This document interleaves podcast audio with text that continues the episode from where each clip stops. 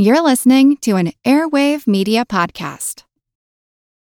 For the ones who work hard to ensure their crew can always go the extra mile, and the ones who get in early so everyone can go home on time, there's Grainger, offering professional grade supplies backed by product experts so you can quickly and easily find what you need. Plus, you can count on access to a committed team ready to go the extra mile for you. Call, clickgrainger.com, or just stop by. Grainger, for the ones who get it done.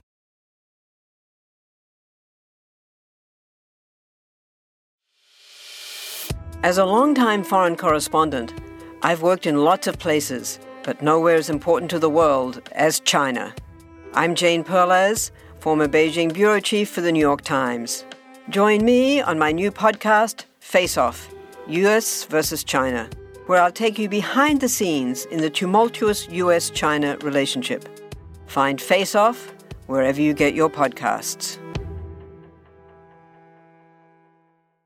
This is Kick Ass News. I'm Ben Mathis. Hey, folks, Ben Mathis here. The holidays are upon us, and it's about time to start buying gifts. If you're smart like me, you'll skip the madness of the stores and do most of your shopping on Amazon this year. And if you're going to be doing that anyway, then help support the show by going to the sponsor page on our website at kickassnews.com and copying and pasting the Amazon link there into your web browser before you start ordering. Then Amazon will toss us a little something for every purchase you make this holiday season. You have to shop for gifts anyways. They've got just about everything you can imagine on Amazon delivered right to your door. It won't cost you anything extra, and you can help support the show. So it's kind of like giving two gifts for the price of one this year. And that, my friends, is what you call a Christmas miracle. So again, go to the sponsor page at kickassnews.com and copy our Amazon link into your web browser before you start shopping. And if you feel extra generous this Christmas, then make a donation to keep us going over here at gofundme.com slash kickassnews. Thanks for listening and enjoy the podcast. Hi, I'm Ben Mathis, and welcome to Kick Ass Politics. Folks, how well did you sleep last night? Did you toss and turn? Did you wake up groggy? Do you wish you could have hit the snooze button and stayed in bed for another hour? If so, then you're probably one of the 130 million Americans who don't get enough sleep at night. I know what you say I'll sleep when I'm dead or I'll catch some rest on the weekends. That's what I used to say too. But recent science proves that that just doesn't cut it anymore. Not getting regular, sufficient sleep takes an enormous toll on your job performance, your personal relationships, and your overall happiness, to say nothing of what it does to your physical and mental health. Research shows that lack of sleep is one of the biggest contributors to diabetes, heart disease, cancer, Alzheimer's, and many other diseases. In fact, my guest today warns that sleep deprivation is just as deadly as cigarette smoking.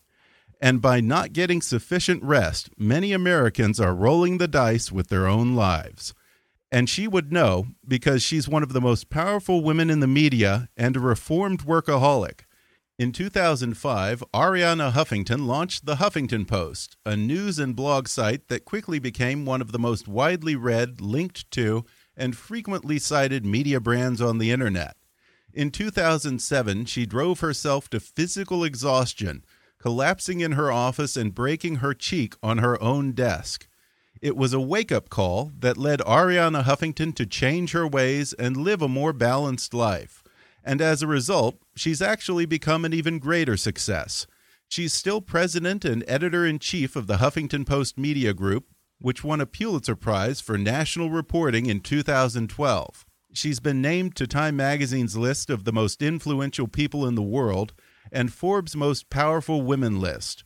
She's written 15 books, including her previous book, Thrive The Third Metric to Redefining Success and Creating a Life of Well Being, Wisdom, and Wonder, which debuted at number one on the New York Times bestseller list. And her new book, The Sleep Revolution Transforming Your Life One Night at a Time, which just debuted at number two on the New York Times bestseller list. On today's podcast, Arianna Huffington will talk about the need for governments, companies, and individuals to treat sleep deprivation as the serious health crisis it is, and the need for greater education on how much sleep our body needs, how to get it, and the dangers of bad habits like drowsy driving. She'll also talk about the need to change the way our corporate culture treats our need for sleep as a liability and a weakness, instead of what it truly is the ultimate performance enhancer. And she even has the studies to back it up. Plus, Arianna Huffington will tell the story of her personal sleep revolution and give you 12 tips for getting a better night's rest. Coming up with Arianna Huffington, editor and founder of the Huffington Post and author of The Sleep Revolution, in just a moment.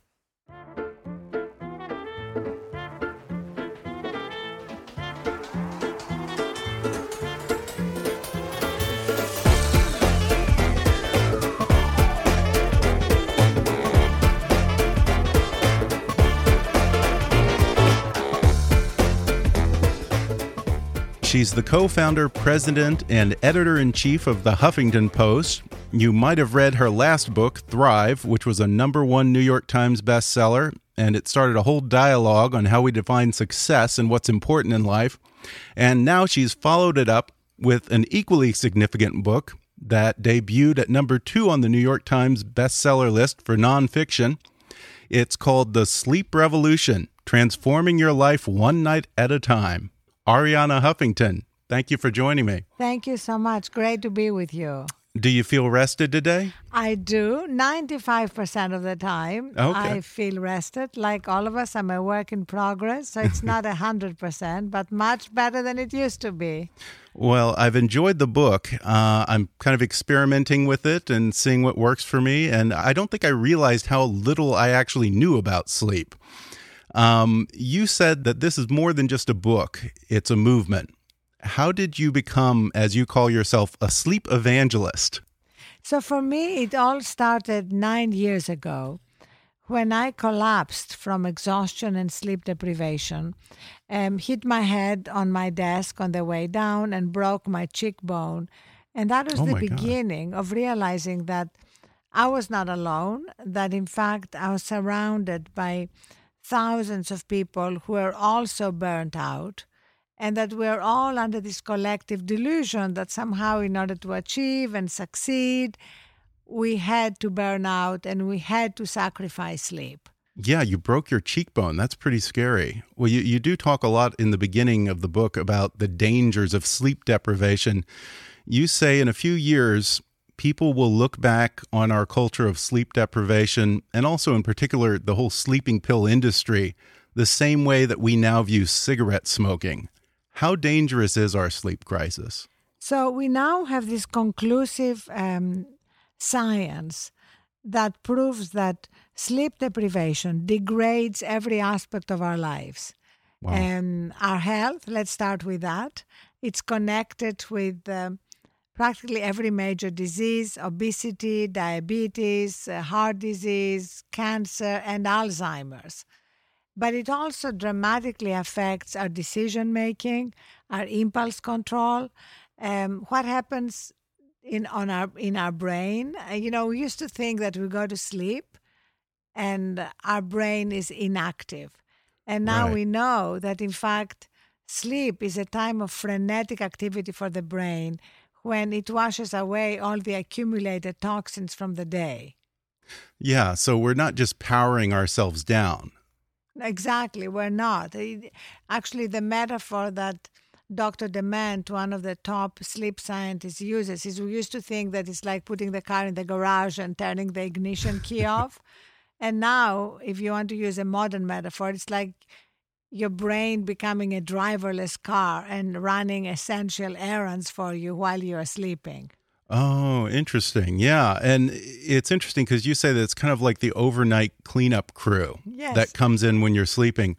Um, what what exactly happens when we're asleep? What is what goes on in our brain? So what happens is that the the glymphatic system, which is the brain's plumbing system, is activated, and um, our brain has two modalities: either it is awake and alert, or asleep and cleaning up. And it's a little bit like uh, uh, either you're entertaining the guests or you're cleaning up the house. you can't do both at the same time. And if you don't clean up the house, there are serious consequences for the way our brain functions and the way our body functions. Well, you talk about how today's culture equates sleep with the lack of motivation and productivity. And we love to throw around phrases like you snooze, you lose, and, uh, you know, I'll sleep when I'm dead. Talk about the fallacy of that kind of thinking. It's a huge fallacy. It's actually a delusion. And and at first you may think, well, how come we believe something which is patently false? Well, we've believed patently false things for many, many um, times during our history. You know, we believed the earth was flat. We believed that smoking was no problem. In fact, you know, you can go to advertising from the 1950s where you had doctors in white coats um, promoting one cigarette brand over another. so Right. now I think we have this amazing tipping point where the new science of sleep, which is relatively young, um, is absolutely conclusive on the impact of sleep deprivation on our health, our productivity, and our happiness. And you know, the productivity part that you mentioned is really important because although we're working longer hours, last year we lost 11 days of productivity, which cost the US economy $63 billion Really? Due to sleeplessness? due to sleeplessness. Because what Wow. happens is that sleep deprivation um, degrades our performance. You know, we're not as present, we're not as engaged, our decisions are not as good. So, contrary to what we believe, uh, we're worse at our jobs than we would have been. And you know who is kind of ahead of the game? Our athletes. Yeah, that was an interesting aspect in the book. I mean, if anyone doesn't believe what you're saying, I mean, that pretty much drives it home right there. Talk about that. Yes, that's why I, I have a whole section on, on athletes and sleep, because you have um, Kobe Bryant, for example, who um, talks about how when he started getting enough sleep, his game dramatically improved. Then uh, Andre Iguodala from the Golden State Warriors um, talks about how uh, his stats that he enumerates dramatically improved after eight hours sleep. And in fact, when he became an MVP in 2015, he Instagrammed a picture of himself napping, holding his MVP statuette. And uh, we have a, a growing number of coaches who are prioritizing sleep as, as part of the training because athletes, like the rest of us, only even more so, realize that recovery is key. in there you just list all of these stats from these great athletes on how the sleep actually you can see the number of goals they scored and everything just from getting more sleep so i mean if there's any doubt that really helps drive it home you know and talking about different careers and how sleep affects it it's ironic to me that so many people in the professions where getting sleep is most critical doctors nurses air traffic controllers truck drivers bus drivers those are usually the people who get the least amount of sleep.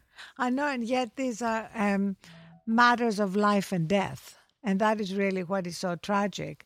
And the other thing that we are focusing on, and in fact, we launched a campaign together with Uber, is against drowsy driving.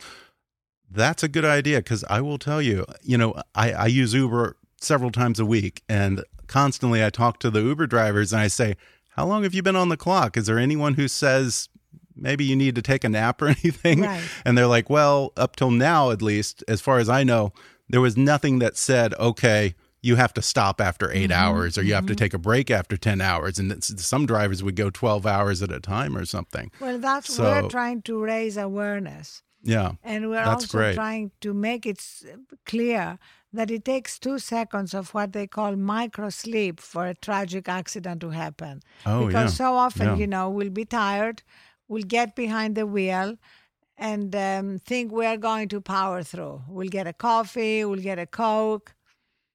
But in Yeah. fact, uh, 1,200,000 crashes because of drowsy driving last year alone. Yeah, and I'm curious how that stacks up against drunk driving. Well, here's what is interesting. Because of our growing awareness about drunk driving and the designated driver campaign, um, stats of drunk driving are going down while drowsy driving huh. stats are going up.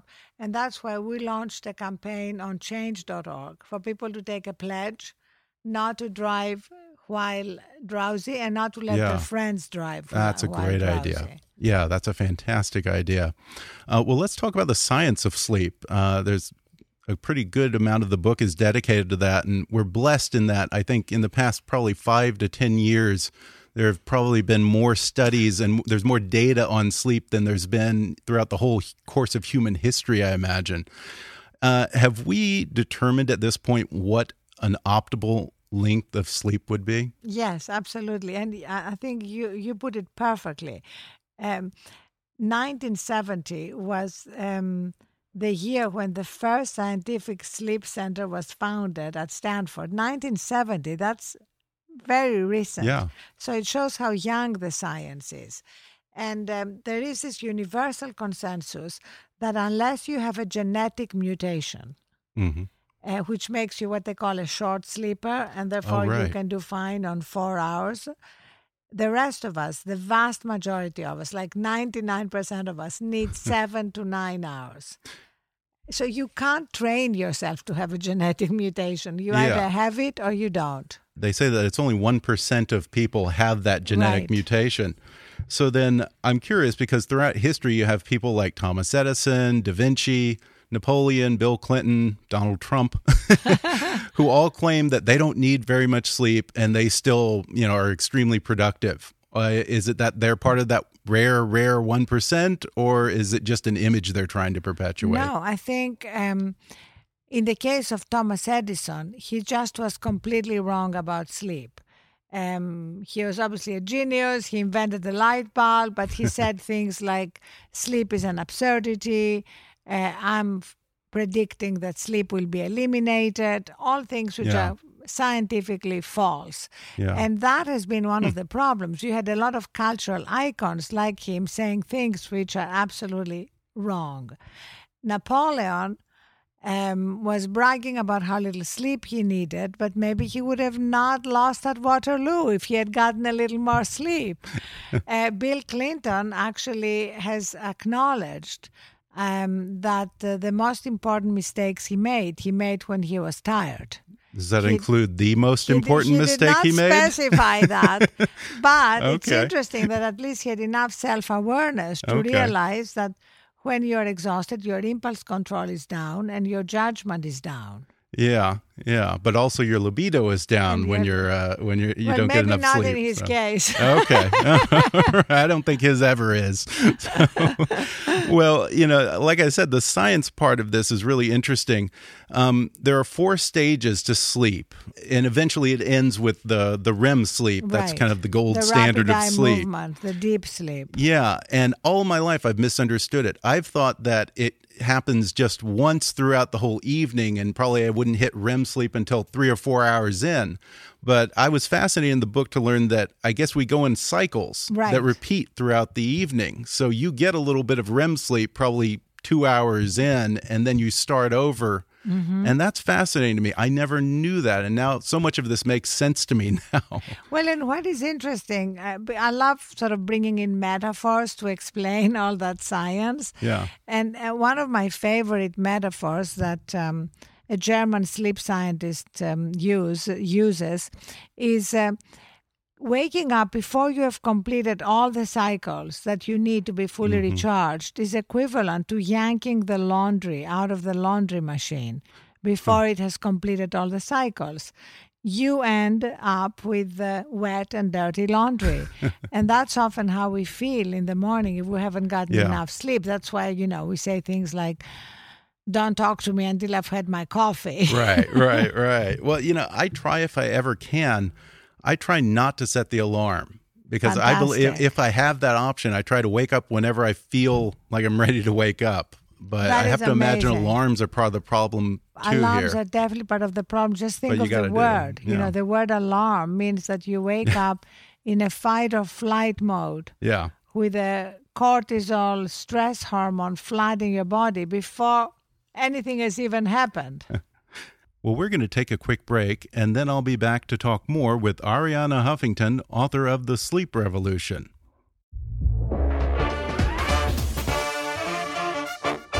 If you're interested in my conversation with Arianna Huffington, then you'll enjoy her new book, The Sleep Revolution Transforming Your Life One Night at a Time. And right now, you can download the audio version of her book for free with a special promotion just for our listeners at audibletrial.com backslash kickasspolitics for a free 30-day trial and a free audiobook download, which can be The Sleep Revolution by my guest today, Arianna Huffington, or any of Audible's 180,000 titles. That's audibletrial.com backslash kickasspolitics. Or click on the sponsor link on our webpage to download the free audiobook of your choice. And now, back to the show. We're back, and today I'm talking with Arianna Huffington, author of The Sleep Revolution Transforming Your Life One Night at a Time. Another part of the scientific aspect that you talk about in here, you dedicate a good amount toward dreams. There have been many theories about what purpose dreams serve. Have we reached any conclusions about what actually goes on when we dream? So we know more about dreams, but we still don't have the ultimate wisdom about dreams because I think when we solve that, we'll also have solved the mystery of life, and we haven't gotten close to that. But if you think of it, um, every religion uses dreams as a way to communicate um, with human beings. And you have God sending messages. um, you have, you know, some of the most amazing um, historical and religious um, examples involve dreams.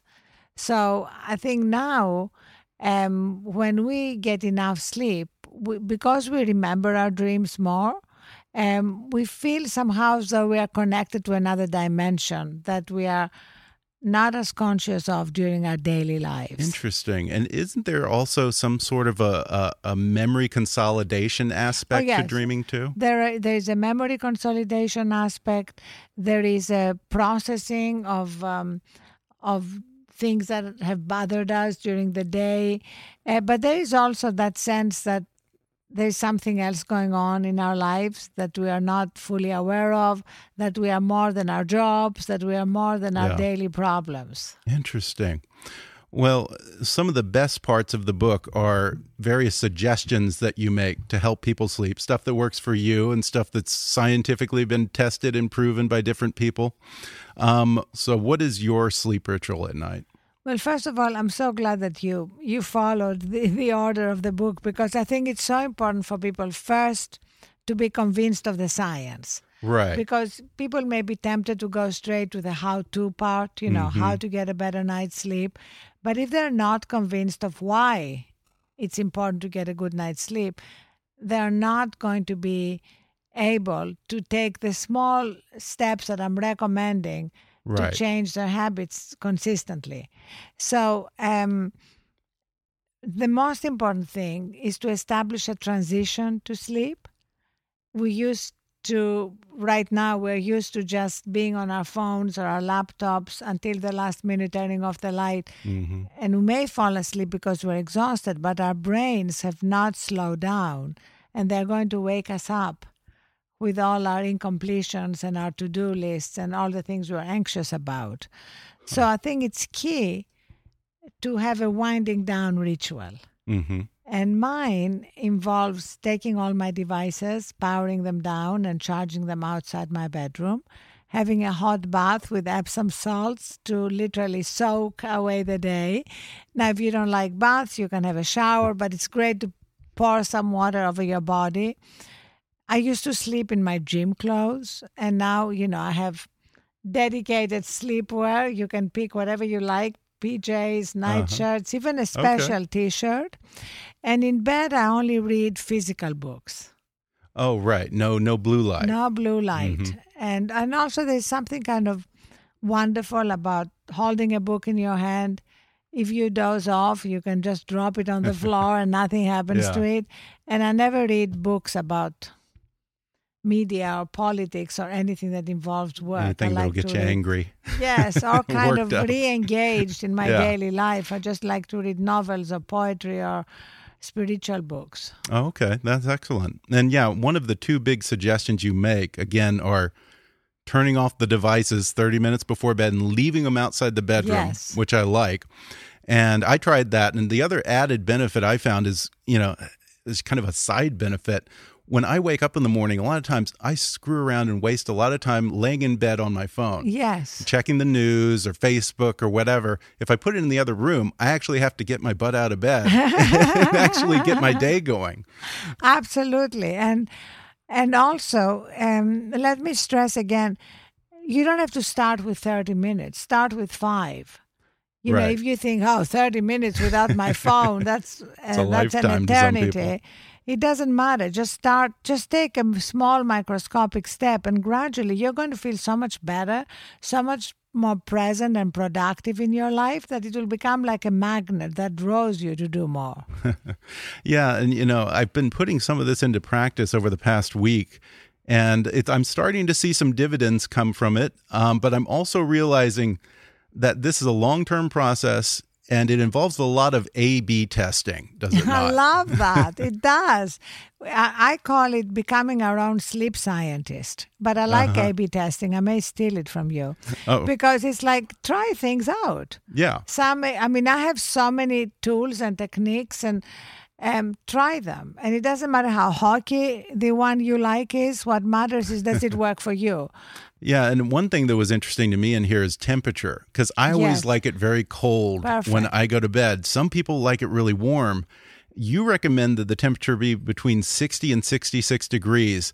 And now I realize why. Why I like that because I'm used to waking up in the middle of the night, you know, having sweats and all this and I didn't realize until now our body temperature changes throughout the different phases of sleep mm-hmm. at night you know, once we get into REM sleep or the one before that, I think you said it's like a five degree, it goes up five degrees exactly. or something. So I, you know, ideally, again, everybody's different, but try not to have the temperature over 70 degrees. Yeah. Yeah. Yeah. Yeah, definitely. Um, well, you're a big fan of naps. In fact, I just toured your nap room here at the Huffington Post headquarters. Um, I'm a napper, but people keep telling me that if you take naps, you're not going to be able to get a decent sleep at night. Is that true? No. First of all, um, you are only going to take a very long nap if you have a big sleep deficit. Mm. And as our sleep habits improve, we realize that like a 20 minute nap is amazing. You know, a t- a 20 minute nap is restorative.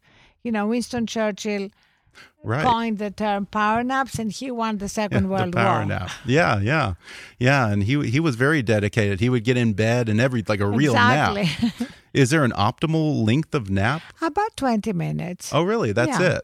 Yeah, Not an you know- hour or something. No, if you need more, it means that you have you you're running a sleep deficit, which you may Yeah. be running because you're jet lagged or you had a sick child. You know, things happen in our lives. Yeah, yeah, that's true. Well, I know that you have to catch a flight. I hope it's not a red eye. No, it's a flight to Nashville Um, Oh, to, okay. to speak at the at Belmont University. You know, we are doing this college outreach to hundred colleges to reach millennials and help them understand the importance of sleep. So that's one of the colleges. Yeah. Well, you know, before we go, you talk a lot about the problem of politicians having poor judgment because they get too little sleep. Uh, Trump, Donald Trump, loves to brag about how little sleep he needs. Do you think that that might be part of his problem? Well, you know, he displays a lot of the symptoms of chronic sleep deprivation, according to the American Academy of Sleep Medicine, like inability to process even simple information, mood swings, anger outbursts, false memories. So there is something to mm, to look out for there. Yeah. Well, I'm going to send him a copy of the book. If you have you sent him a copy yet? I haven't. Okay, well then I will, and maybe you'll autograph it for me. I'll send it to you first. Absolutely. Well, again, the book is called The Sleep Revolution Transforming Your Life One Night at a Time. Arianna Huffington, thanks for sitting down and talking to me. Thank you so much. Really enjoyed it.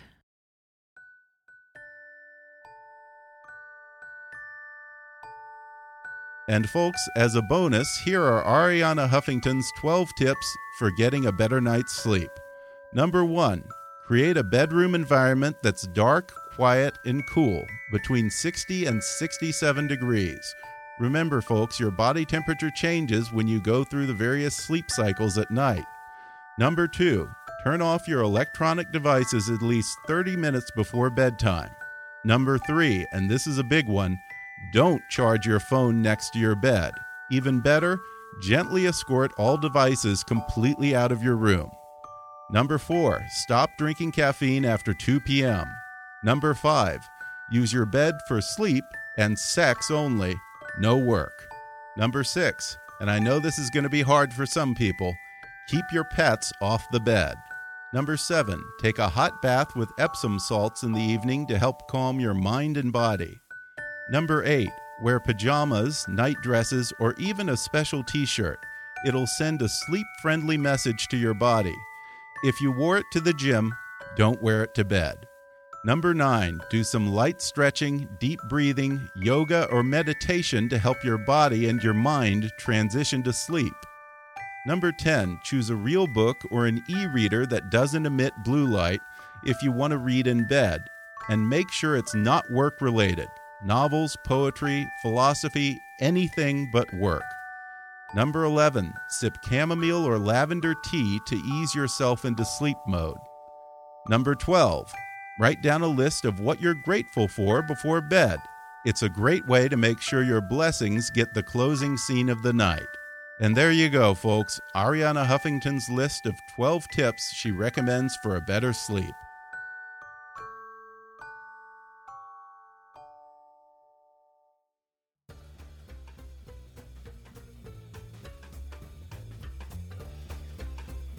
Thanks again to Miss Arianna for coming on the show. And if you enjoyed this episode, or if you're just not getting as good a sleep as you think you ought to be, then I'd encourage you to read her new book, The Sleep Revolution Transforming Your Life One Night at a Time.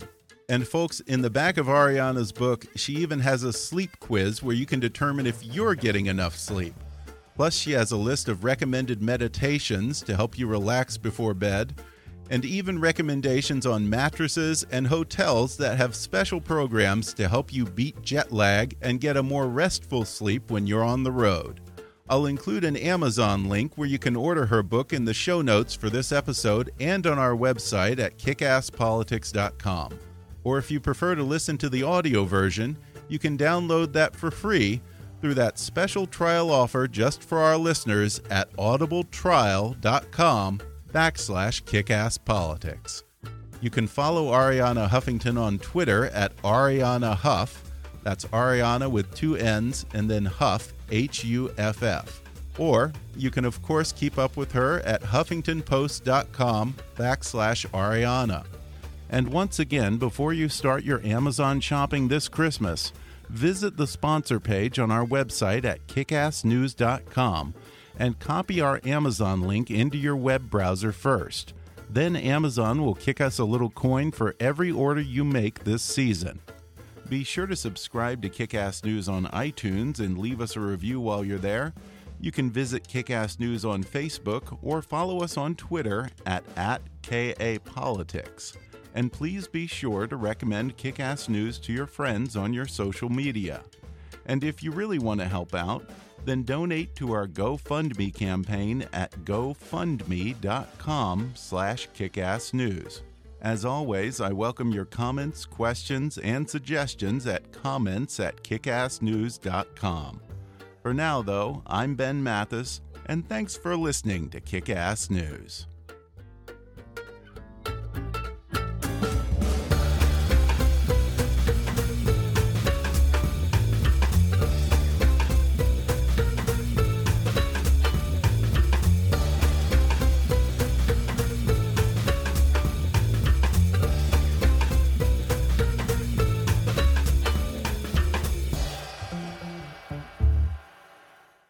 Kickass News is a trademark of Mathis Entertainment, Inc.